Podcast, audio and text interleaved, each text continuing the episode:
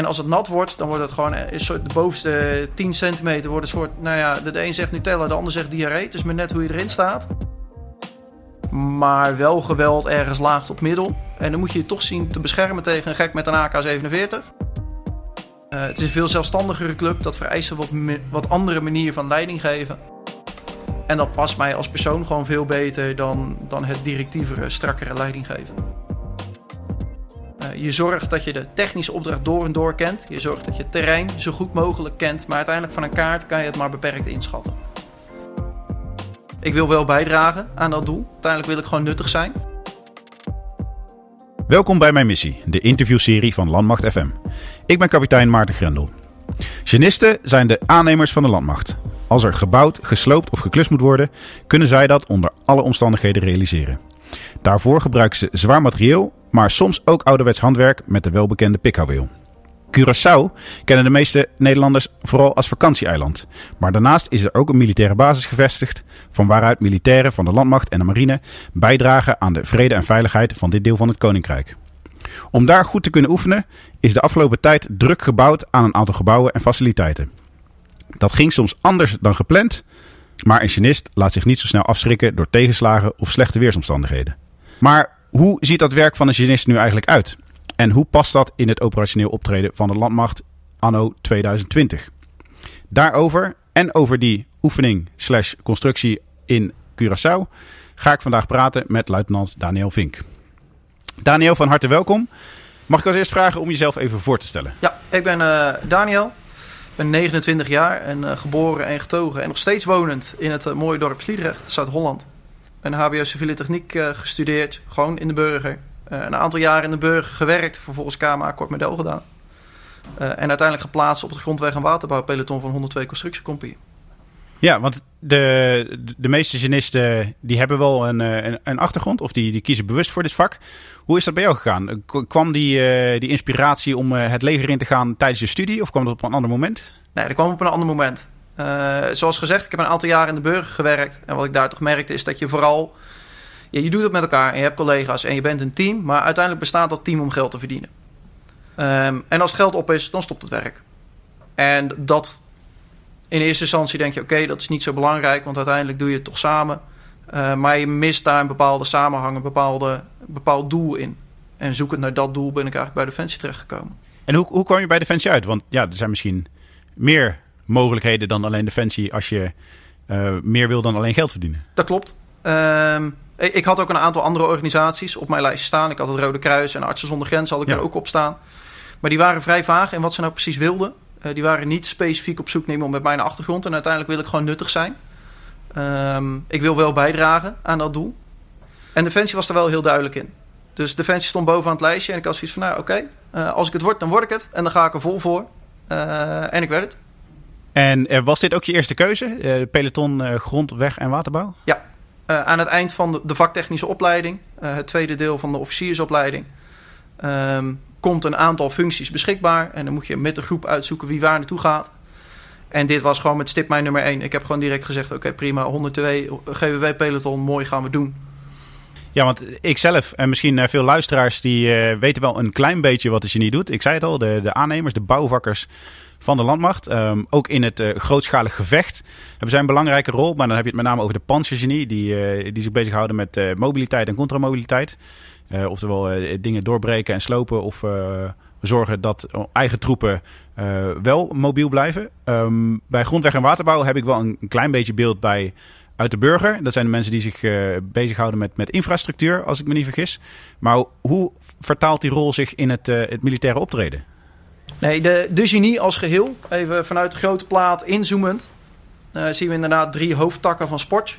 de luchtmobielgenie, de panzergenie en de constructiegenie. Luchtmobiel en panzer die doen in essentie hetzelfde, maar in een andere setting.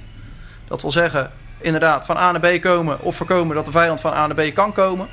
En de een vanuit zijn rugzak en de ander vanuit zijn, eh, zijn panzerauto. Uh, de constructiegenie zit in een iets andere rol. Uh, die verzorgen met name uh, op uitzendingen het comfort en de veiligheid.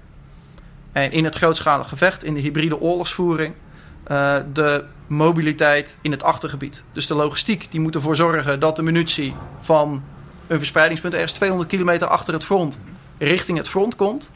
Die moet over wegen heen rijden. Die wegen die zijn best wel een doel van de vijand. Uh, en wij moeten ervoor zorgen dat die wegen open blijven. Ja, ja, en in een oorlogsgebied zijn die wegen misschien ook wel eerder al gebombardeerd of beschadigd. Ja. Dus dat, dat is jullie hoofdtaak. Ja. Um, ja, we weten natuurlijk allemaal, de, de manier van oorlog voeren verandert. Je noemde al het hybride conflict. Uh, wat heeft dat voor gevolg voor jullie wijze van optreden? Ja, heel veel. We zijn gewend om in, in eerste instantie een ring van KCT'ers of luchtmobielers te zitten die ons helemaal beschermt. Dan bouwen we onze eigen beschermingswal en daar gaan die KCT'ers weer op liggen. Um, die missen we helemaal, die neveneenheden. Uh, we moeten opeens ons eigen ding doen. En dat is niet in geweld hoog, maar wel geweld ergens laag tot middel. En dan moet je je toch zien te beschermen tegen een gek met een AK-47. Uh, terwijl wij hele kleine groepen hebben met heel veel materieel. Dus daar zijn we zoekende in. Dat weten we nog niet precies hoe we dat moeten doen. Ja, en, en waar lopen jullie dan nu bijvoorbeeld tegenaan? Wat voor dingen kom je tegen van... hey, van dat, dat zijn we, hebben we misschien nooit over nagedacht... of dat hadden we in het, het, het de oude optreden niet direct nodig, maar nu wel? Hoe hou je jezelf veilig als je verplaatst met uh, vier auto's en acht man? Vijf auto's en acht man trouwens.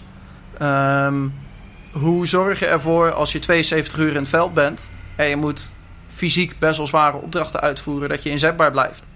Hoe neem je überhaupt waar s'nachts? Want we hebben geen nachtzichtmiddelen. Ja, ik, ik heb zelf een achtergrond in de logistiek. Dat zijn precies de, de vragen waar we de afgelopen jaren bij uh, bevordering en transport ook tegenaan liepen.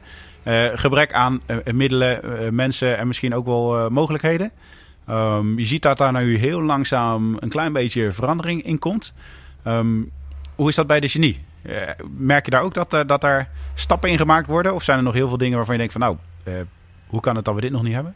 Nou, de vraag hoe kan het dat we dit nog niet hebben, die wordt regelmatig gesteld. tegelijkertijd dat die gesteld wordt, betekent dat mensen aan het nadenken zijn. Uh, dus je merkt, er wordt over nagedacht. Er worden dingen bedacht.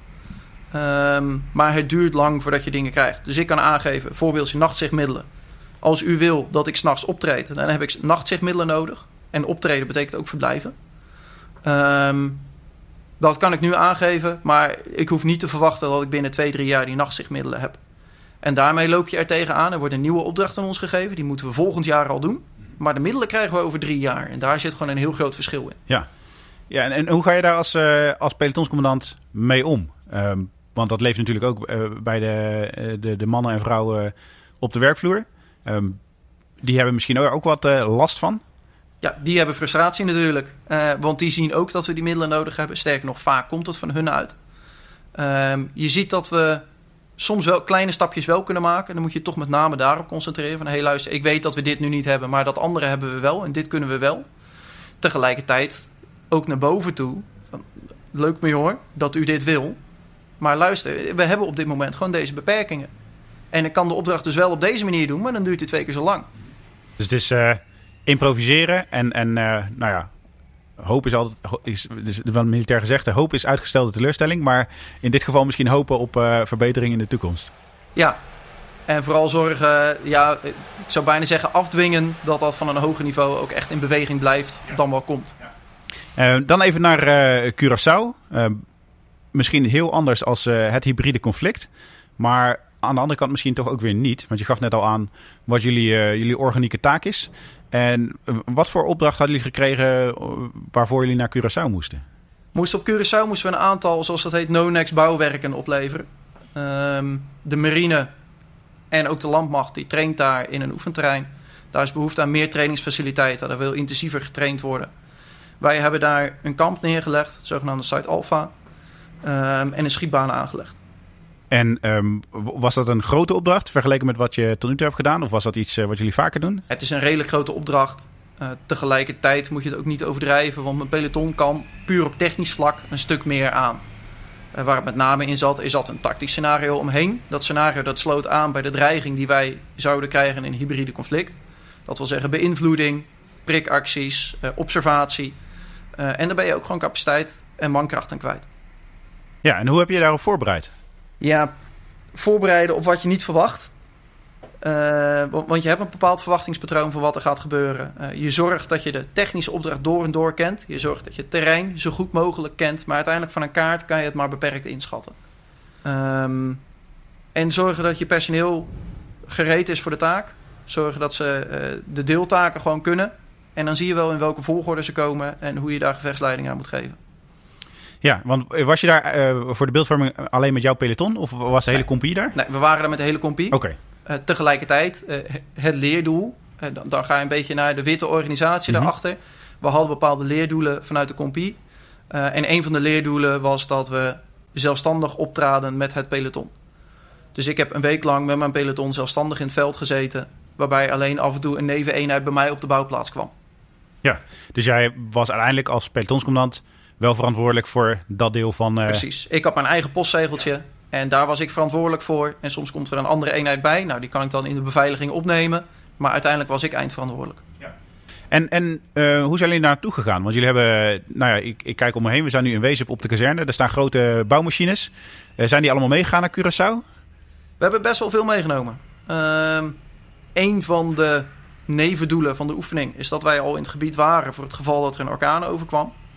Uh, vorig jaar is dat ook gebeurd. Mhm. Mm -hmm. Toen is 103 naar de Bahama's gegaan. Dit keer is het niet gebeurd. Gelukkig voor de bewoners, jammer voor ons. Ja. Um, maar we waren best wel zwaar ingegaan. Want 103 vorig jaar een beetje met een mond vol tanden stond omdat ze te weinig spullen bij Ja. zich hadden. Dus ik had uh, vijf bouwmachines, uh, drie graafmachines en wat is het, zeven vrachtauto's bij me. Die zijn allemaal op een boot gedrukt. Uh, en een paar weken later ging het personeel erachteraan. Ja, precies. Want uh, een bootreis van hier naar Curaçao, dat duurt een week of zes, zeven, acht? Week of drie, maar daar wordt nog steeds niemand vrolijk van. Oh, dat is sneller dan ik dacht. Ja. dan uh, hadden jullie een snelle boot. Um, en toen kwamen jullie aan op Curaçao. Um, hoe, hoe ging dat in zijn werk? Jullie, jullie landen daar, iets andere klimaat en weeromstandigheden dan Nederland? Ja, ander klimaat betekent wennen. Uh, dat is niet met je hoofd wennen en eventjes een uurtje in de zon gaan zitten. Dat betekent acclimatiseren. Idealiter doe je dat 14 dagen lang. Dan is je lichaam echt helemaal gewend. Die tijd hadden we niet. Dus we hebben in drie dagen een acclimatisatieprogramma doorlopen. Dat wil zeggen een combinatie van echt heel bewust rust houden en heel bewust inspannen. Uh, waarbij we uiteindelijk de Christoffelberg op zijn gegaan als een soort van eind, uh, eindoefening. Ja, ja en, en uh, ja, je, je, zei we hadden niet zoveel tijd. Hadden jullie ook een strakke tijdsplanning? Uh, was er een deadline waarop alles ja. klaar moest zijn? Ja, zeker te weten wel. We hadden een deadline waarop al het werk af moest zijn. Maar heel specifiek binnen het proces van iets bouwen is mijn peloton legt de fundering, letterlijk. Ja. Um, dus dat betekent, als wij nog niet klaar zijn met die fundering, dan staan de rest van de pelotons te wachten. Mm -hmm. Dus wij hadden in de eerste drie dagen moesten we echt vlammen um, om de bouwput erin te krijgen voor het constructiepeloton. Vanaf daar is het gas er ietsje afgegaan bij ons. Uh, want er is gewoon maar een beperkte tijd dat je kan vlammen. Ja, ja, precies. Want, uh, ja, anders ben je opgebrand. Ik kan me nog goed herinneren in, uh, in Mali, toen ik daar was in 2015, dat de, de genisten echt letterlijk in 50 graden brandende zon uh, buiten stonden te werken. Nou, ik, ik had behoorlijk veel respect voor het doorzettingsvermogen van die, van die gasten. Um, Curaçao is iets minder warm, maar nog steeds een graadje of 30, denk ik. kun je daar iets over vertellen? Over de, ja, welke klimatologische omstandigheden, welke terreinfactoren speelden daarmee? Ja, terrein is uh, eigenlijk alle cross-country movement. Dat kan heel aardig, zolang er geen kakter staat. Um, dat betekent eigenlijk te voet in het oefenterrein waar we zaten, uh, vergeet het maar. Er lopen een paar geitenpaadjes. Um, daar kan je overheen verplaatsen, maar al het andere, jezelf door een bos heen drukken, dat gaat je gewoon niet lukken, want dat bos dat uh, prik je helemaal lek. Ja. Um, als het gaat over weer, je zweet je gewoon helemaal kapot. Zeker in het begin, als dat lichaam nog niet gewend mm -hmm. is. Maar wat we vooral hadden onderschat was het effect op slaap. Mm -hmm. Uh, in Nederland, als die jongens vier tot zes uur per nacht slapen... voor een belasting van twee weken is dat prima te doen. Ja. Um, maar je merkt gewoon niet... Je merkt dat je lichaam niet tot rust komt onder die warmte. Dus je moest veel langer slapen om hetzelfde uit te rusten. Nou, dan kom je na een week achter als je helemaal verkrekt bent... en ja. dan heb je een slaaptekort ja. opgebouwd... en succes met het weer inhalen. Ja. ja, want waar sliepen jullie? In intensies of in infra? Um, dat wisselde. We hadden het landhuis Assisson, daar hebben we gezeten. Daar hadden we tenten staan. Um, betrekkelijk comfortabel, omdat je gewoon douches hebt. En we hebben iets meer dan een week zelf in het veld gezeten, wat ik zei, waar wij zelf verantwoordelijk waren voor alles. Ja. Uh, daar zaten we ook in boogtenten, maar je douche is geïmproviseerd, je wasgelegenheid is geïmproviseerd. Ja. Uh, alles zelf berooien. Ja, ja dat, dat is al een, een trainingsdoel op zich. Uh, gewoon het overleven onder zulke omstandigheden. Ja. Um, en ik begreep dat jullie ook nog last hadden van behoorlijk wat regen. Ja, dat is uh, een beetje een collectief trauma geworden. Um, GBW-werk is heel erg afhankelijk van regen. Als infanterist kan je altijd wel voorwaarts. Als het regent, word je heel sip terwijl je voorwaarts gaat. Maar in principe kan je nog voorwaarts. Ehm, wat we zagen bij dit terrein, zodra het regende, dan werd de bovenste laag werd een soort glibberige drek. Eh, alle auto's eh, scheef op de weg, eh, echt een drama. Maar dat betekent ook dat je als, als grondweg- en waterbouwer kan je eigenlijk niks meer. Dus op dat punt hebben we heel veel vertraging in de planning opgelopen. Ja, en hoe, hoe heb je dat opgevangen? Want je gaf al aan, je had een best wel strakke deadlines. Had maar beperkte tijd om je werk te doen. Plus iedereen die daarna dingen moest doen, was afhankelijk van jullie werkzaamheden. Um, hoe, hoe ging dat in de praktijk? Gelukkig waren we al voorbij de deadline waarbij het andere peloton kon starten. Dus constructiepeloton was al gestart. Um, en met een beetje gevechtsleiding en initiatief van de eigen jongens hebben we ervoor kunnen zorgen dat hun fundering bleef staan. Um, dus dat geluk, dat hadden we. Alleen vervolgens moet je gaan kijken, wat gaan we nu doen? Nou, dan ga je eerst eens eventjes als commandant samen met je plaatsvervanger op de zachte steen zitten. Oké, wat kunnen we nog wel? Um, conclusie, we kunnen de komende twee dagen niks op site Alpha, maar we kunnen nog wel een schietbaan bouwen. En daarna moet het kwaliteitsniveau omlaag. Want het origineel, je kan twee dingen doen. Dat is of minder bouwen, ja, of wat je bouwen op een mindere kwaliteit bouwen. Nou, minder bouwen was geen optie, dus de kwaliteit moest omlaag. Nou, je hebt te maken met vakmannen die hard voor hun vak hebben. En dan is het niet leuk om te accepteren dat je iets slordig neer moet leggen. Ja, ja want als leek, uh, minder kwaliteit, waar moet ik, hoe moet ik me dat voorstellen? Ja, normaal gesproken, stel je voor als je uh, op de snelweg rijdt. Um, en die vangrail die gaat opeens alle kanten op. Oh ja, ja. ja het, het ziet er niet uit. Het houdt Ja. misschien een auto tegen, Ja. maar het ziet er gewoon niet uit. En dat was dus gewoon, ehm, ja, je kon niet de, de, de kwaliteit leveren die je eigenlijk zou willen. Ja, ja. En al, voor vakmannen is dat frustrerend. Eh, waar, was dat de enige frustratie of waren er ook nog andere frustraties? Nou, wat je ook merkte, we hebben door corona eh, in het afgelopen jaar vooral heel veel op pelotonsniveau getraind. Groeps- en pelotonsniveau. En groep en peloton waren redelijk op elkaar ingespeeld. Eh, maar de compie, het niveau daarboven, die had anderhalf jaar lang eigenlijk alleen maar vredesbedrijfsvoering gedaan. Gewoon de normale dagelijkse gang van zaken. En die heeft niet zoveel geoefend met het draaien van een, van een oefening. En dan ga je in één keer een oefening draaien in een complex gebied, een complexe Ja, ja, oefening. onder zware omstandigheden. En dan zie je gewoon veel fout gaan. Uh, en dan ontstaat de frustratie van... luister, wij hebben zaken op orde. Waarom wordt er op het niveau boven ons gefaald? Ja, omdat het niveau boven ons ook moet trainen. Dat is heel normaal, dat is menselijk... maar dat creëert wel heel veel frustratie. Ja, want dat is uh, iets wat mensen zich misschien ook niet realiseren. Uh, de landmacht als, als vitale organisatie, zoals het zo mooi heet. Wij konden nog redelijk uh, wat toen Nederland in de lockdown zat in het begin uh, van de coronacrisis. Maar we konden ook heel veel niet. Heel veel oefeningen zijn gecanceld. Uh, of afgeschaald, al wat je al zei, van groot, grootschalig met veel mensen bij elkaar naar toch wat kleinere verbanden. Um, ook hele grote oefeningen, zoals Zebra Sword, moesten aangepast worden en op het laatste moment verplaatsen van Duitsland naar Nederland. dus in dat opzicht heeft ook op, op de gereedstelling heeft corona best wel een impact gehad. Ja, ja, je ziet dat bij ons ook. We hebben gewoon dingen niet kunnen doen. Uh, heel simpel voorbeeld is dat wij voor het schieten afhankelijk zijn van een andere eenheid. Vanwege de veiligheidsfunctionarissen. Ja, dat kon niet. Dus mijn schietniveau ligt heel concreet gewoon op een lager niveau. Um, en dat zie je met alles. En dan zie je dus wat ik zei, met name dat niveau 1, 2, 3, de vent, de groep en het peloton. Daar is het redelijk in orde. Maar die grootschalige oefeningen zijn we gewoon niet aan toegekomen. We hadden een heel vol en intensief oefenprogramma staan. Dat is allemaal niet doorgegaan. En dan wel naar Curaçao gaan met een complexe omgeving, complexe oefening. Ja, ja dat gaat zeer doen. Ja. ja, enerzijds lijkt het me mooi dat je dan toch nog uh, naar het buitenland kan voor een, uh, voor een grote en uitdagende oefening. Aan de andere kant, door alle beperkingen in de voorbereiding ook lastig. Uh, hoe ben je daar als pelotonscommandant mee omgegaan? Ja, aan de ene kant zit dat gewoon in het toegeven van fouten. Ja, jongens, ik weet dat dit fout gaat. Maar hé, hey, we zijn er wel, hè? We zitten wel op dit eiland. waar de meeste eenheden SIP thuis zitten, zijn wij mooie dingen aan het doen. Dus dat is echt de positieve kant van dingen blijven zien. En zeker op het moment dat het gaat regenen en iedereen gewoon eventjes heel SIP is, dan is dat het moment dat je dat moet gaan doorbreken. Ja, en, en is dat gelukt? Deels. Okay. Het heeft even geduurd. Ja, uh, ja. Want ook ik was SIP, laten we eerlijk zijn. Ook als commandant zit je heel verdrietig te kijken als je ziet dat je je opdracht niet gaat halen. Um, dus dat heeft langer geduurd dan nodig was. Maar ook voor mij geldt dat ik tijdens een oefening gewoon aan het leren ben. En dat is een van mijn leerpunten. Op tijd inspringen om die mentaliteit te doorbreken. Ja, ja aan de ene kant is het voor het EGI. Jullie hadden echt een, een opdracht om daar iets te bouwen... wat ook gewoon gebruikt uh, moet gaan worden door de collega's. Aan de andere kant um, is het ook weer niet zo dat er, dat er doden vallen... of uh, dat er andere hele grote gevaren aan zitten... zoals bijvoorbeeld bij een uitzending of een echte oorlogssituatie. Um, wat, wat zijn de belangrijkste lessen die je geleerd hebt op Curaçao? Nou, wat ik dus al benoemde, voor mij uh, weten wanneer je als commandant wel of niet op de voorgrond treedt. Um, kritische vragen stellen aan je staf. Want een aantal zaken had ik van tevoren gezien, heb ik ook gevraagd. Maar niet genoeg op doorgeduwd. Um, ja, en dat, effect, dat het weer gewoon zoveel effect heeft. Niet alleen als het regent, maar ook als het gewoon wel, nou ja, Curaçao's mooi weer is, dan heeft dat nog steeds heel veel effect op personeel en materieel. Ja, en, en daarom is het denk ik ook belangrijk om dat soort oefeningen te doen. Uh, niet alleen onder Nederlandse of Europese weersomstandigheden, maar juist ook onder dat soort. En ook voor de vakman. Uh, de, de, Nederlandse zandkorrel is niet de Curaçaose zandkorrel. Dat zie je als het droog is en dat zie je al helemaal als het regent.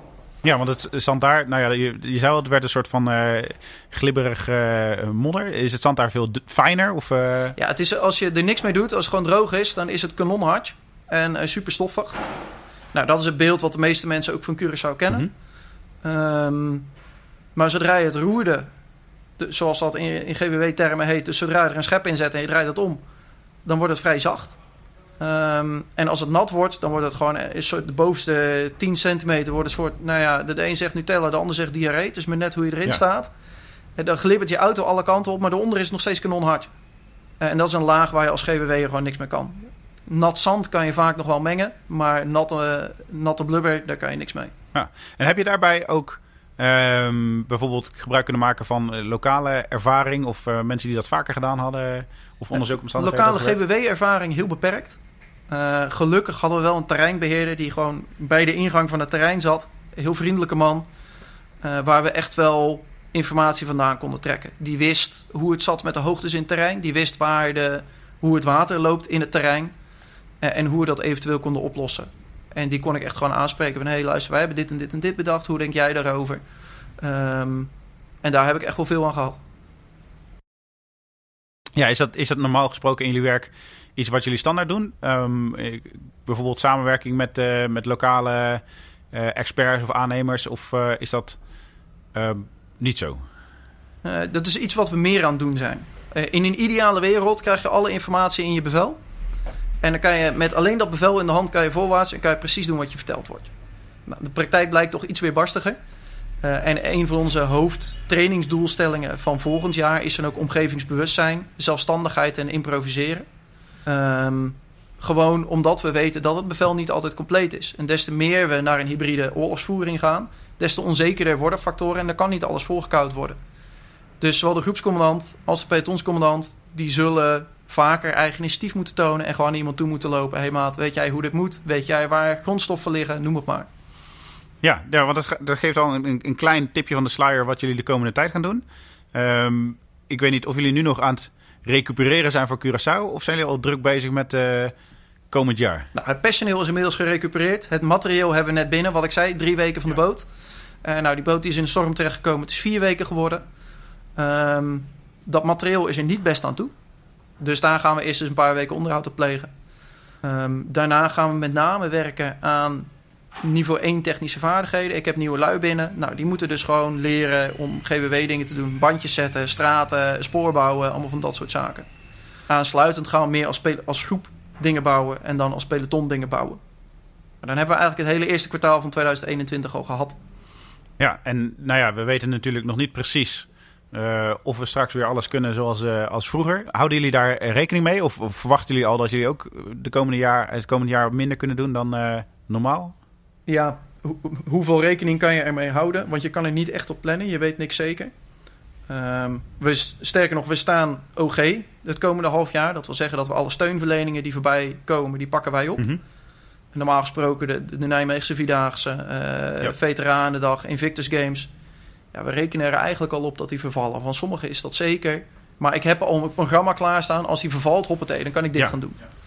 Um, ik train in klein verband zodat we zo min mogelijk bij elkaar in de buurt hoeven te komen.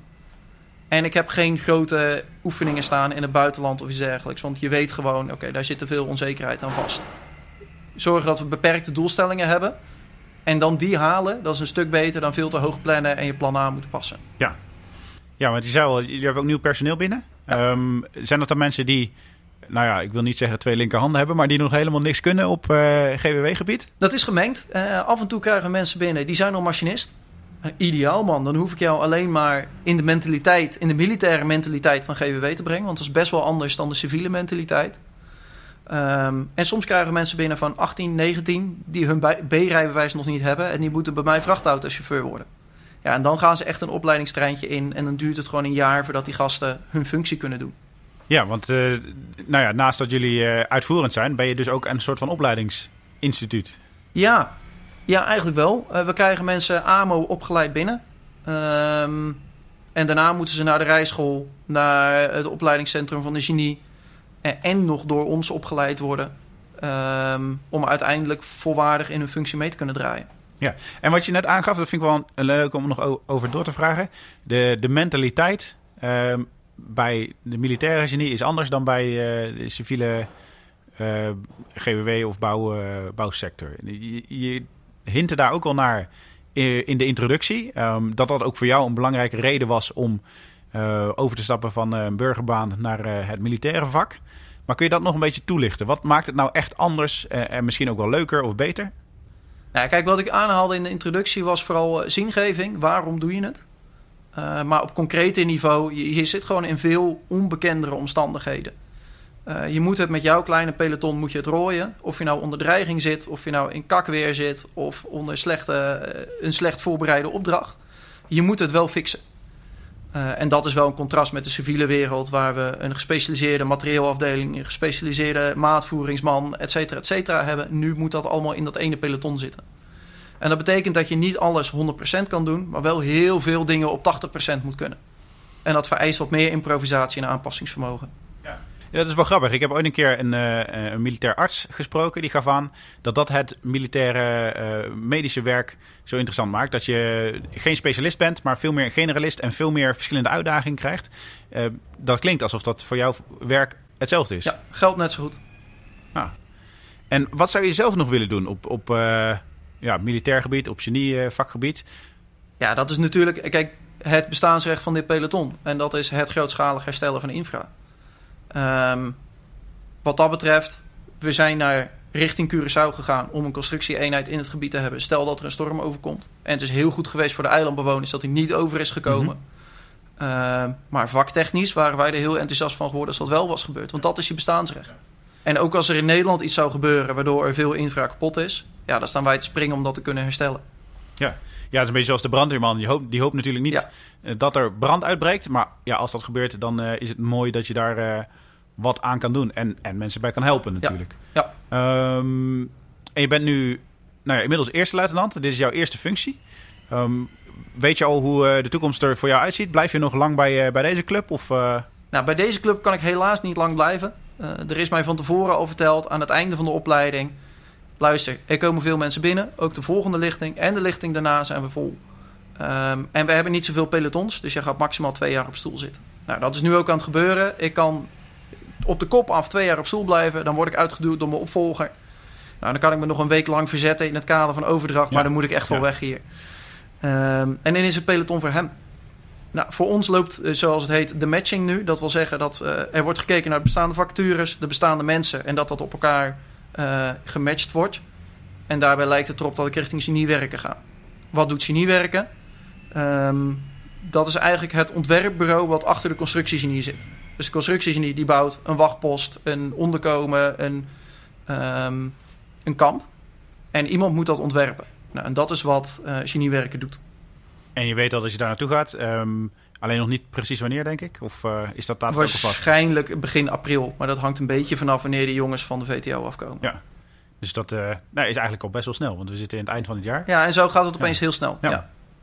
Of je heel kort kan toelichten wat jouw werk uh, als pelotonscommandant bij de grondweg en waterbouw, bij een constructiepeloton, wat dat nou zo, zo mooi maakt of zo bijzonder of...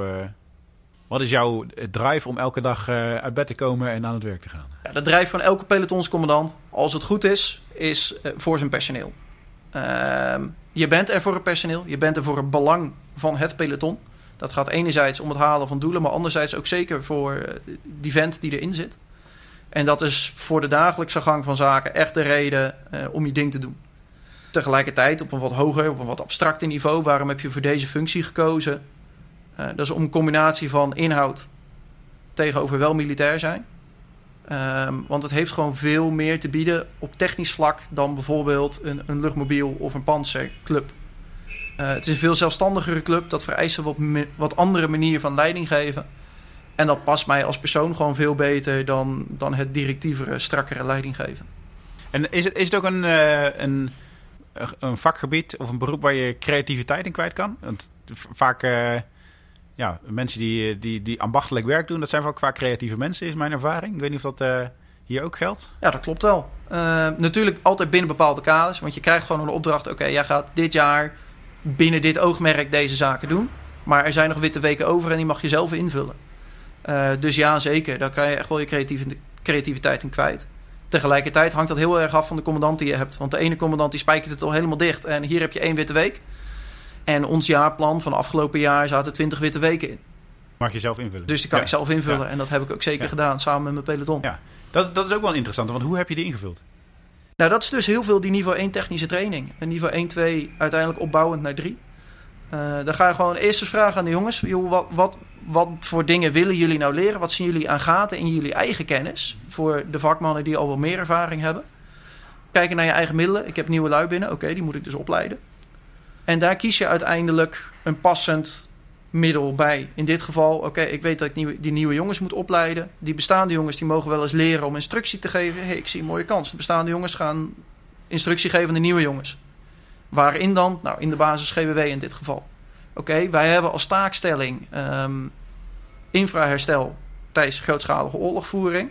Wat zijn de deeltaken die erbij horen? Nou, deeltaak uh, sporen aanleggen, deeltaak uh, krateringen herstellen. Oké, prima, dan gaan we dat er een keer inbrengen. En op die manier zoek je een combinatie van wat heb ik zelf, wat moet ik bereiken met mijn toko. Nou, en daar kiezen bepaalde, uh, bepaalde activiteiten bij.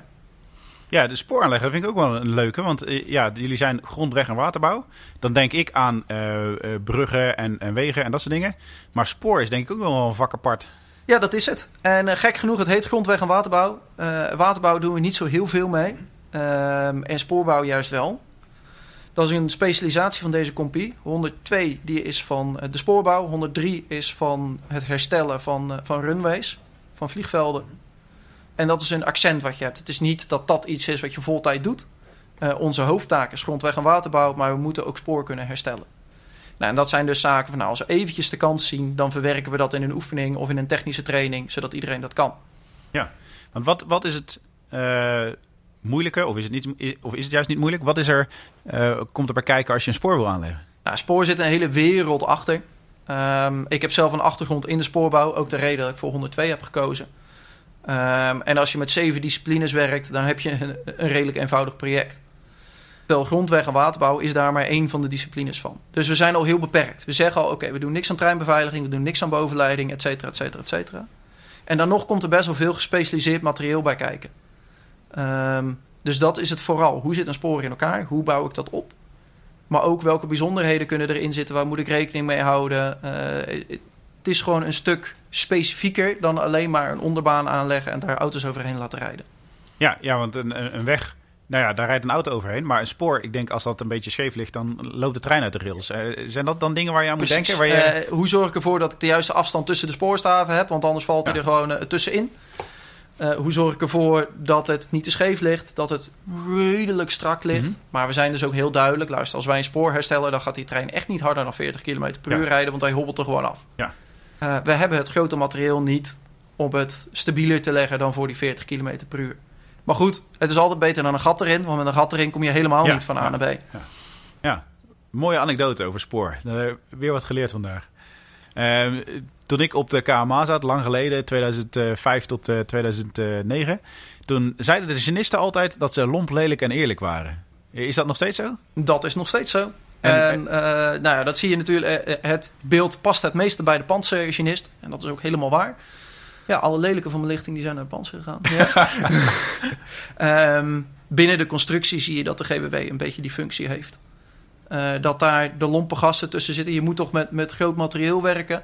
Uh, het is altijd, als, als minder dan een kuub is, doen we er geen zaken mee, roepen we altijd. Nou ja, dat, dat hoort wel bij die lompheid. Um, en ook die eerlijkheid, gewoon puur als ik kijk naar onze staf. Uh, heb ik die hoog in het vaandel zitten.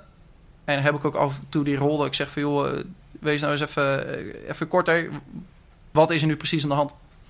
Ja, ja en als je ehm, iets bouwt, dan, dan moet je wel eerlijk zijn. Want als je het niet goed doet, Ja, dan... eh, en zeker als jouw het, eh, bouwwerk hetgene is waar de rest op door moet bouwen, dan kan je maar beter in één keer eerlijk zijn over wat er niet goed is. Onwijs bedankt voor het luisteren. Mijn gast vandaag was luitenant Daniel Vink van 102 Constructiecompagnie. Ben je fan van de show? Help ons dan door een review achter te laten op Apple Podcasts of Stitcher. En raad deze podcast aan bij vrienden, familie en collega's. En als er nou een onderwerp is waarvan jij vindt dat we dat moeten behandelen, tweet dan met hashtag Mijn Missie of stuur ons een bericht op Facebook of Instagram. Mijn Missie is een productie van de Koninklijke Landmacht. Nieuwe afleveringen komen regelmatig en meestal op maandagochtend online. Abonneer je en mis geen enkele aflevering. Je volgt de Koninklijke Landmacht via Twitter, Instagram, Facebook en YouTube. En op defensie.nl vind je het laatste nieuws rondom de krijgsmacht. Nogmaals bedankt voor het luisteren en tot de volgende aflevering.